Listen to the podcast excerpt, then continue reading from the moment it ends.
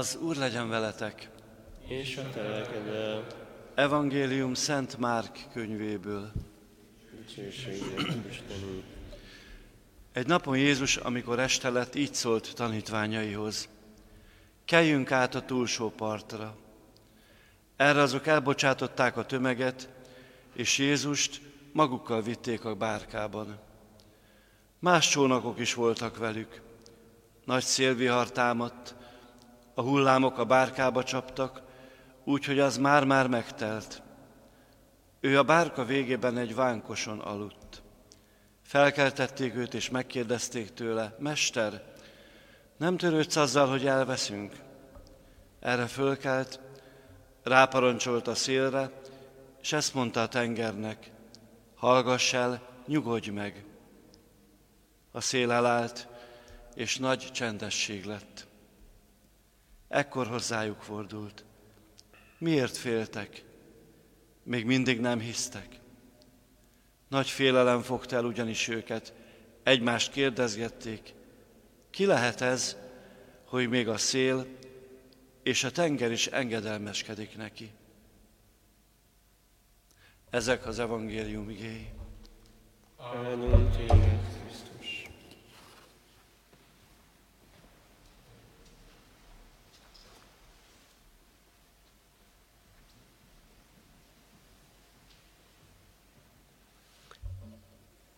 Kedves testvéreim! A kérdésre, hogy Mester, nem töröldöl vele, hogy elveszünk? Mi a válasz? Ez a válasz a Sirák fiának könyvében felhangzik. Jó dolog csendben várakozni, mert Isten megszabadít. Az Istenről sok gondolatunk lehet, de az Isten mondja, hogy az én gondolataim nem a ti gondolataitok, az én útjaim nem a ti útjaitok. Nem kényszeríthetjük rá a saját akaratunkat Istenre, hanem az Isten ajándékait vesszük készhez. Úgy, ahogy mi sokszor nem is várnánk.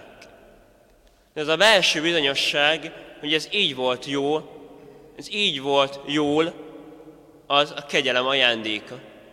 Mert felismerem Isten nagy, csodálatos tetteit az életemben. Olyan úgy, amikor betegség ér, ugyanúgy, amikor szorongattatás ér, vagy amikor úgy tűnik, hogy tragédia ér. Mert megtanulom az alázatot, megtanulok az Istenhez párbeszédet folytatni, tetszik imádkozni, megszólítom az Istent a nehézségem idején, akit eddig nem is vettem észre, és amikor úgy tűnik, hogy nincs már gyógymód, akkor megtölöm a reményt, és felismerem, hogy az örök életem van, és a testi életem pusztán csak porhüvely, idő, id, időleges valóság, a lelkem örök, és az Istennel találkozok. És ezáltal bizony felértékelődik a, a jelen pillanat, mert most tudom tenni a jót azokkal, akik bizony körülvesznek. Amikor úgy tűnik, hogy megbicsaklik az emberi egészség, vagy az erő, akkor ott van a remény, hogy Uram, úgy lesz jó, ahogy Te akarod. Uram, én veled szeretnék találkozni. És ebben a tetszik fásút állapotban, bizony kezdeti fásút állapotban együtt tudunk érezni Reményik Sándorral is, aki bizony, akit elhagyott a remény, de egyszer egy szó, hogy zöld csillagok szíven ütötte őt. A zöld az a remény színe, illetve az élet színe. Zöld a növény, élet van benne. És a kelti teológia a Szentlélekkel hozza párhuzamba, mert a lélek éltet, és bizony élet legyen bennünk, tetszik, remény legyen bennünk. De mit mond Reményik Sándor?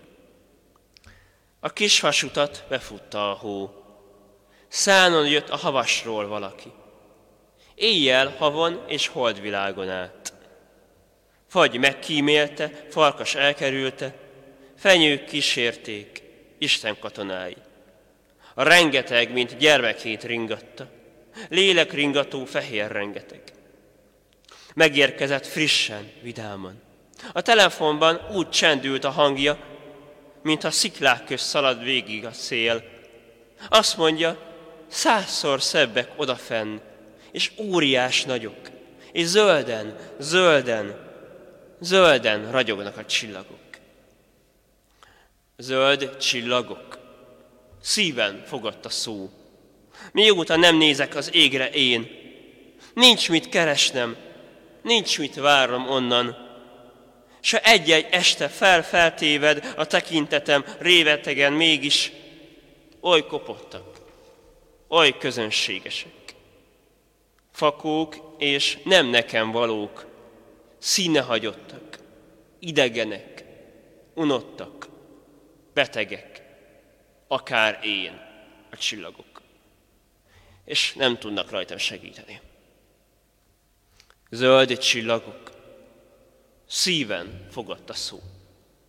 És ez az egy színes szó szíven fogott. Én, Istenem, te nagyon jól tudod, nem kívántam soha sokat. Csak egy egészen kicsikét. Emberül és igazán élni. Te benned hinni, szeretni, remélni, és meghalni zöld reménység csillagok alatt.